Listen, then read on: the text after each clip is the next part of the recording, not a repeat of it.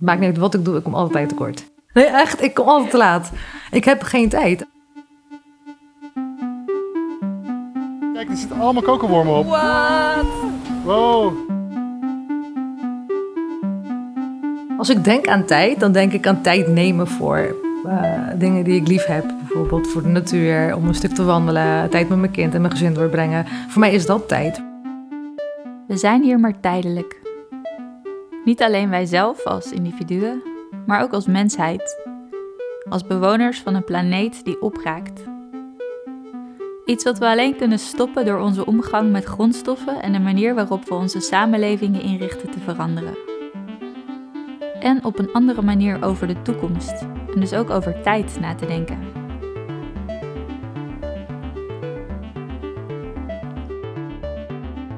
Maar wat is tijd eigenlijk? Tijd is voorafgaand, tijdens, hierna, lang geleden en ver in de toekomst. Ze is altijd aanwezig en een voorwaarde voor alles wat er gebeurt. Tegelijkertijd is de tijd zelden onderwerp van gesprek. Hoe kunnen we op andere, meer duurzame manieren luisteren naar en omgaan met de tijd? Daar gaan wij, Laurie en Katia, naar op zoek in dit tweedelige audioverhaal. In de eerste aflevering Tijd is Ervaring spraken we met chronobioloog Joke Meijer en filosoof Joke Hermsen. We leerden over het circadiane ritme, ook wel onze biologische klok, en hoe onze maatschappelijke klokken daar niet altijd even goed op zijn afgestemd. Met Joker Meijer bespraken we dat we eigenlijk veel meer naar bestaande cycli in de natuur zouden moeten kijken. En Joke Hermsen vertelde ons vervolgens over hoe er tegenover de kloktijd, of chronos, ook een andere tijd bestaat, namelijk kairos, de god van het juiste moment. En die voor een ander soort tijdservaring staat die niet gericht is op efficiëntie. In dit tweede deel gaan we op zoek naar tijd als grondstof. Naar de rol van tijd in de economie. Denk aan de uitspraak tijd is geld. En naar onze grote drang naar productiviteit en efficiëntie. We doen dat door te spreken met binnenvaartschipper Liana Engibayan en kunstenaar Mark IJzerman en door te reflecteren op voorbeelden uit de praktijk om andere manieren van tijd te verbeelden. Ja, mensen zeggen natuurlijk altijd: tijd is een construct. uh, en uh, uh, ja, ik ben ook wel bekend met het Kairos en het Chronos-principe. En dat wij vooral volgens Chronos leven. En ik ben ook wel op plekken geweest waar, er meer, waar de bus komt wanneer de bus komt, zeg maar. Wat is tijd voor mij om maar meteen ook een link naar mijn werk erbij te pakken, is de deep time, het deep time idee. Dat we nu um, stoffen uit de grond pompen, dus dat we even miljarden jaren er doorheen aan het branden zijn in de vorm van uh, fossil fuels. Um, ik weet niet of jullie die, dat, die meme van Instagram ook kennen met die plastic dinosaurusjes die dus gemaakt zijn van plastic, die dus gemaakt zijn van echte dinosaurussen. Een soort hele grappige uh, circulaire, dat het een soort vorm is van het materiaal waar het van gemaakt is. Nou, wat is tijd voor mij? Nou ja, een, ja, een sociaal een afspraak. Tijd, efficiëntie en productiviteit. De maatschappij lijkt erdoor geobsedeerd. Terwijl we inmiddels wel weten dat het idee van vooruitgang achterhaald is en de snelheid waarmee we onze grondstoffen opbranden niet houdbaar is, dendert het ritme van handel en winst maken en daarmee het idee van eeuwige groei onverminderd door. Dit ritme bestaat bij gratie van de logistiek. Het efficiënt importeren en exporteren van grondstoffen en producten over heel de wereld. Onze maatschappij draait op deze logistieke processen, maar deze zijn tegelijkertijd onzichtbaar. Een plek waar dit ritme van import en export wel zichtbaar wordt, is de haven. Van alle grondstoffen, producten en spullen die we gebruiken, komt maar liefst 90% via de haven Nederland in. Kleding, schoenen, computers, telefoons, tassen, jassen. Maar uh, al die andere dingen die u koopt, van een uh, opblaasbaar uh, speelgoedbeestje voor de kinderen tot aan puzzels en allerlei andere dingen, het zit er allemaal in. En dat komt in zulke grote hoeveelheden binnen dat het transport relatief gezien weinig kost. Een deel daarvan wordt vervolgens via binnenvaartschepen verder gebracht, zoals door schipper Liana en Girbayan. Liana is naast schipper ook vlogger en gebruikt haar communicatievaardigheden om te laten zien hoe het leven er op de binnenvaart uitziet. Kijk, Toen ik heel jong was, toen eh, zat ik op een containerschip. En wij vervoerden containers vol met Mars en Snickers. En dat vond ik altijd heel erg tof, ja. En dan brachten we dan verder naar het binnenland. Ja, dat was echt een snoepjesboot, ja. Nu is Liana zelf schipper. Wel met een ander soort lading als snoepjes. Hoe werkt dat eigenlijk? Je moet het zeg maar zo zien. Er komt een groot zeeschip aan, een olietanker. Die brengt het naar de grote havens toe, dus Antwerpen, Amsterdam en Rotterdam. En daar eh, wordt het uitgelost. Eh, soms gelijk direct in ons een binnenvaartschip. Soms in een, eh, ja, weet ik veel, een ton, noem ik het maar. Eh, en wij krijgen dan de lading. Wij vervoeren het verder naar het binnenland toe. Wij brengen dan bijvoorbeeld soms direct naar een tankstation. Ehm, die terminals zijn er ook. Dan laden, lossen we dat uit in het tankstation. We kunnen de auto's tanken, soms bij een ander plekje. En dan komen de vrachtwagens, die brengen het verder naar het tankstation. Dus wij zijn echt de tussenpersoon van het vervoer. Wij kunnen 3000 eh, ton vervoeren. Even algemeen genomen, ik ga niet komma's. Eh, ongeveer 3 miljoen liter eh, benzine of diesel. Ik zal het even heel houtje touwtje uitleggen. Ehm, ik ben in Roermond en ik krijg in Roermond, want daar heb ik net gelost. dan heb ik eigenlijk een opdracht dat ik in Rotterdam 17 oktober moet gaan laden. En het is 15 oktober. Maar dan zou je eigenlijk zeggen ik twee dagen de tijd om daar te komen. En dat betekent dus dat ik minder hard hoef te draaien met mijn motoren. Dat betekent dus dat ik veel duurzamer kan varen, veel minder uitstoot heb. Maar terminal in Rotterdam, die zegt... je mag pas aanmelden, je mag pas laten weten dat je er bent... als je in de buurt bent. Ehm, dus je mag pas, zeg maar... je wordt pas op de lijst gezet van het laden als je in de buurt bent. Dus ik moet zo snel mogelijk naar Rotterdam toe om mij aan te melden... want dat is mijn aanmeldtijd. En dan weten ze dat ik er ben. Maar de kans is dan ook heel groot dat ik twee of drie dagen lig te wachten met het schip in de haven. Omdat het pas 17 oktober is. En daar, in de communicatie in de scheepvaart, daar gaat het gewoon compleet fout. Het moet veel transparanter. Het moet gewoon zijn van, oké, het schip is onderweg. Uh, die komt wel op 17 oktober aan. En uh, daarbij, als wij in Roermond al te horen krijgen... Uh, dat de tijd nog niet bekend is om te laden... dat wij dan ook kunnen inzien uh, vanuit hun kant, zeg maar. Het is nog een beetje logisch wat ik het even weer te leggen. Ja. dat ik bijvoorbeeld weet vooraf wanneer moet ik komen. Want het is ook vaak zo van je moet daar naartoe, maar geen idee wanneer je moet laden. Maar als ik dat al op voorhand weet, dan weet ik ook hoe ik kan varen. En uh, of we snel moeten varen, s'nachts moeten doorvaren of niet. Soms dan lig je een week te wachten. Het is een complexe keten waarbij iedereen van elkaar afhankelijk is. Als een schip te laat is, ja, ja, dan zit je wel eventjes zonder product. Dat gebeurt wel eens. Als er, weet ik veel, stel voor wij hebben een lading en wij zitten uh, volgeladen en er gebeurt onderweg iets, dan, ja, dan komt het product veel later aan. Uh, soms doen ze dat ook overslaan op een ander schip. Stel je voor, wij hebben motorproblemen en het product moet echt zo snel mogelijk daar naartoe. Komt een ander binnenvaartschip langs zij en die pompt het dan uit ons schip en die brengt het dan verder. Dus er is altijd wel een oplossing voor te verzinnen. We vragen Liana meer te vertellen over het werkritme in de binnenvaart. Aan boord van een schip uh, is het heel verschillend. Ik kan zeggen, het maakt eigenlijk niet zoveel uit um, waar je bent. Het is wel zo, wij varen uh, of 18 uur per dag of 24 uur per dag. Uh, en als we 24 uur per dag varen, hebben we wel dubbele bemanning nodig. Uh, zodat het natuurlijk afgewisseld kan worden. Maar 18 uur per dag, je moet je voorstellen dat je 18 uur lang in de stoel zitten. En je, kan, je moet continu opletten. Ja, dat is best wel zwaar. En dan moet je 18 uur zit je op een stoel continu op te letten. Ja, en dan ga je even slapen, ga je gauw douchen en dan uh, moet je weer 18 uur lang de stoel in. Dus je bent wel continu bezig met opletten en varen. En uh, soms uh, ja, tikt dat best wel aan. Ja, dan heb je ook wel eens dat je dan een week stil ligt. Dat je dan echt, echt niet meer weet waar je het moet zoeken. Door wie worden die ritmes van wachten of juist doorvaren eigenlijk bepaald? We vragen Liana of ze daar een beetje zicht op heeft.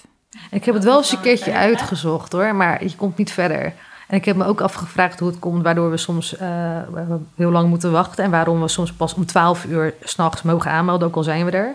Soms hebben we ook gekregen van je mag er zijn, maar je mag pas om 12 uur aanmelden. Maar dat heeft dus, ik weet durf niet 100% zeker, maar dat heeft dus te maken met de prijs. Want ze zijn op de achtergrond elke keer aan het kopen, kopen, kopen, kopen. En hoe hoger de prijs, om 12 uur sluit het of zo. En dan gaat het naar de hoogste bieder toe. Dus er zijn mensen, zeg maar, op de achtergrond die het op blijven kopen, waardoor dingen veranderen. En hoe dat precies in zijn werk gaat, weet ik niet. Want niemand vertelt het me. Ik heb het al heel vaak gevraagd, ook aan mensen op mijn LinkedIn, maar het is allemaal een beetje raar. En ik weet het niet, het hangt een beetje maar in de lucht. En uh, ik zou dat wel willen weten waar het allemaal vandaan komt. Wij moeten eigenlijk maar gewoon er naartoe van dit is wat je meeneemt. Uh, dit zit erin en uh, succes. Terwijl je er wel verantwoordelijk voor bent. Wanneer het wel transparant is, dan weet je ook wat beter met je lading om te gaan en je tijd in te plannen. maar goed, dat is echt iets wat zo moeilijk is, want je met zoveel bedrijven te maken en zoveel schakels. Eh, het enige wat ze moeten doen is alles opengooien. Ja. Ja, voor helemaal voor elkaar.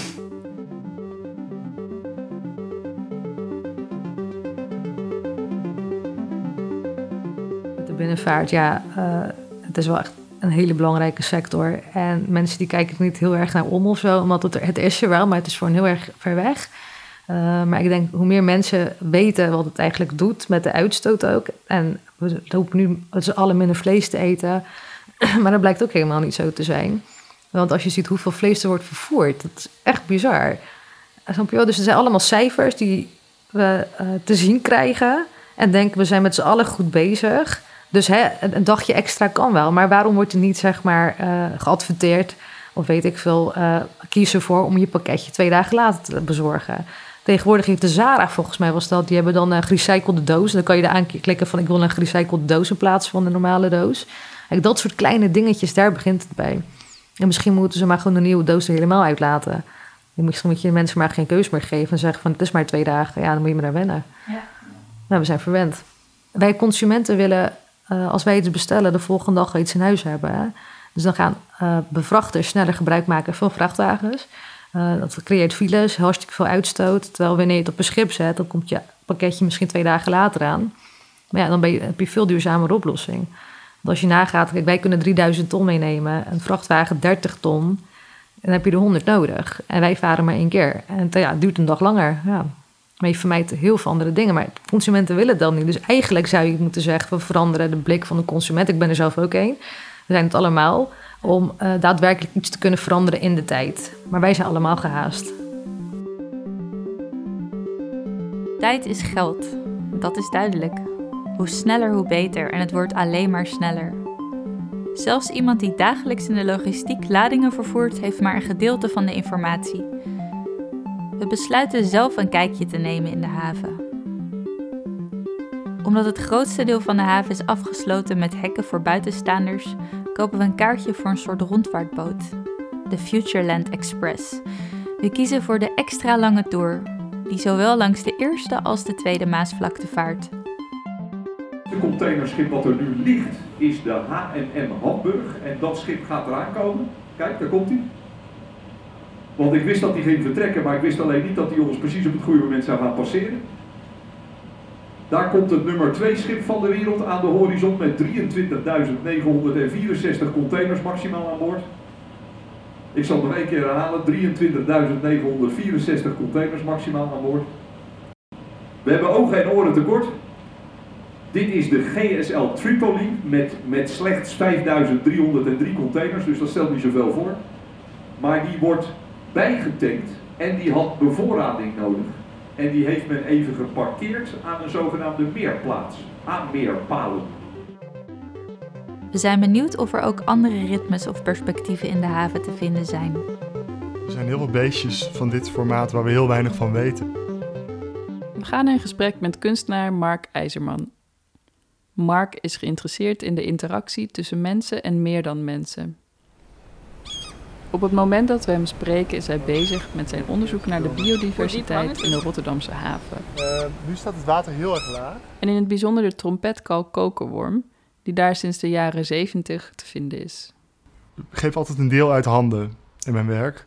Of ik programmeer een algoritme wat uit zichzelf iets doet. Dus ik zet bepaalde regels.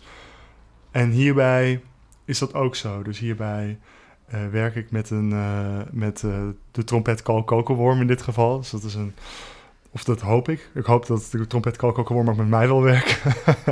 maar dan, ik laat, die over, ik, ik, laat die groeien op een bepaald sculptuur. Dat is een beestje en dat groeit, dat bouwt kalkenkokertjes om zich heen. Dat is een worm, die bouwt kalkenkokertjes om zich heen. En die maakt dan, kan wel riffen maken van 2 tot 2 bij 4 meter, enorme riffen. Dat doet hij met een tempo wat je net niet met het blote oog kan zien. Wat al qua tijd heel interessant is. Dus als je een timelapse maakt, dan zie je binnen, als je zeg maar een frame per kwartier doet, dan zie je dat hij over drie uur best wel een ringetje erbij kan maken of zo. Maar het is net te traag om er naar te gaan zitten kijken. Met een soort, soort vergrootbeeld. Dus je wil het eigenlijk al iets versnellen. Dus daarin zit ook al een soort uh, uh, um, ja, werken met tijd en ook het uh, het uit handen geven. Dus ik geef het uit handen aan, aan een beestje. Ik wil een bepaald over, overgroeid sculptuur hebben binnen een aantal weken. Dan moet ik vrij vroeg daarvoor al iets in gang zetten of zo. Dus weten wat ik wil gaan doen.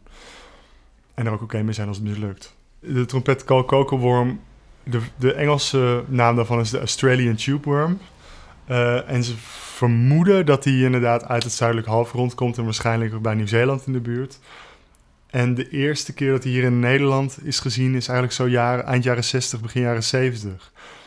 Ergens bij Vlissingen en daarna ook bij Rotterdam in de buurt.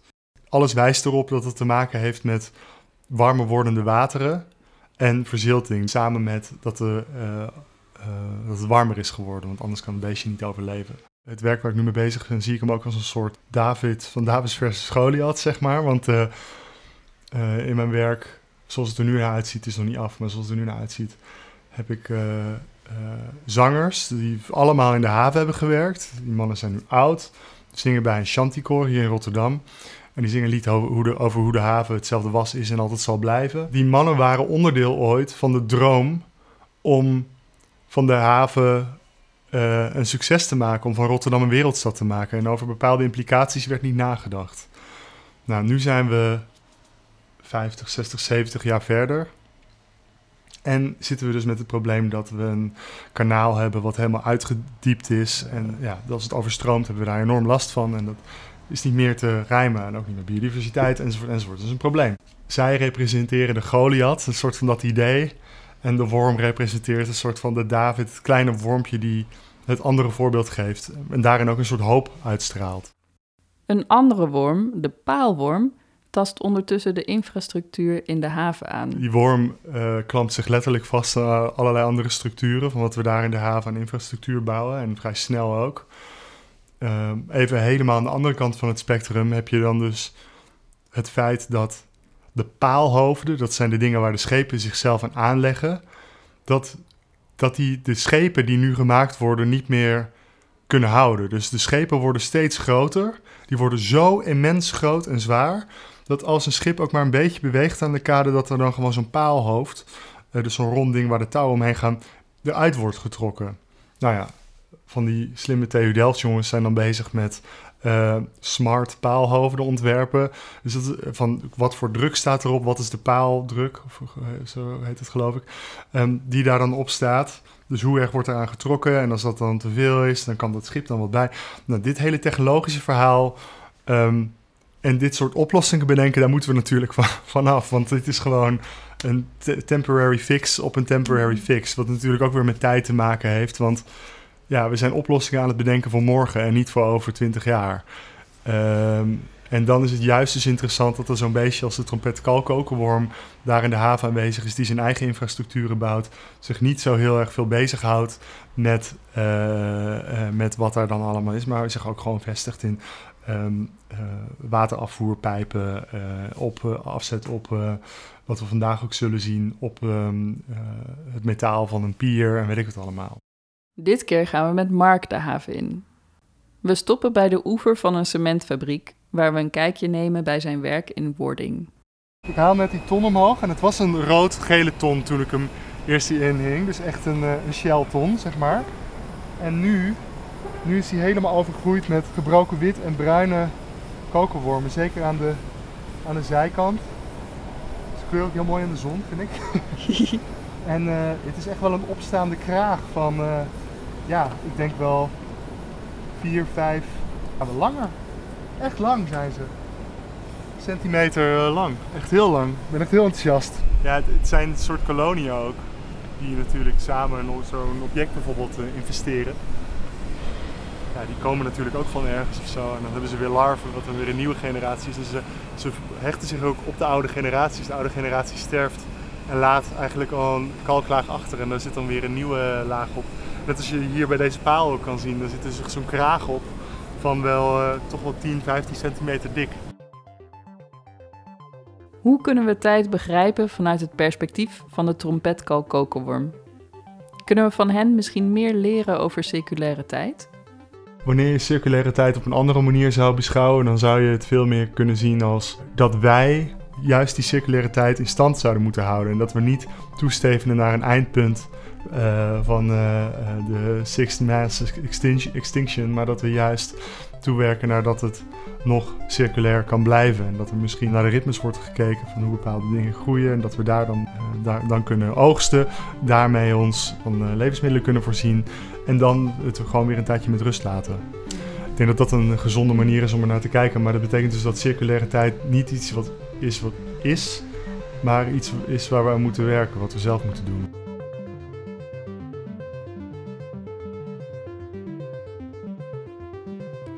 Om in een wereld te leven waarin niet continu gerend wordt en waarvoor de aarde de prijs betaalt, zijn er alternatieve manieren nodig om ons tot tijd te verhouden.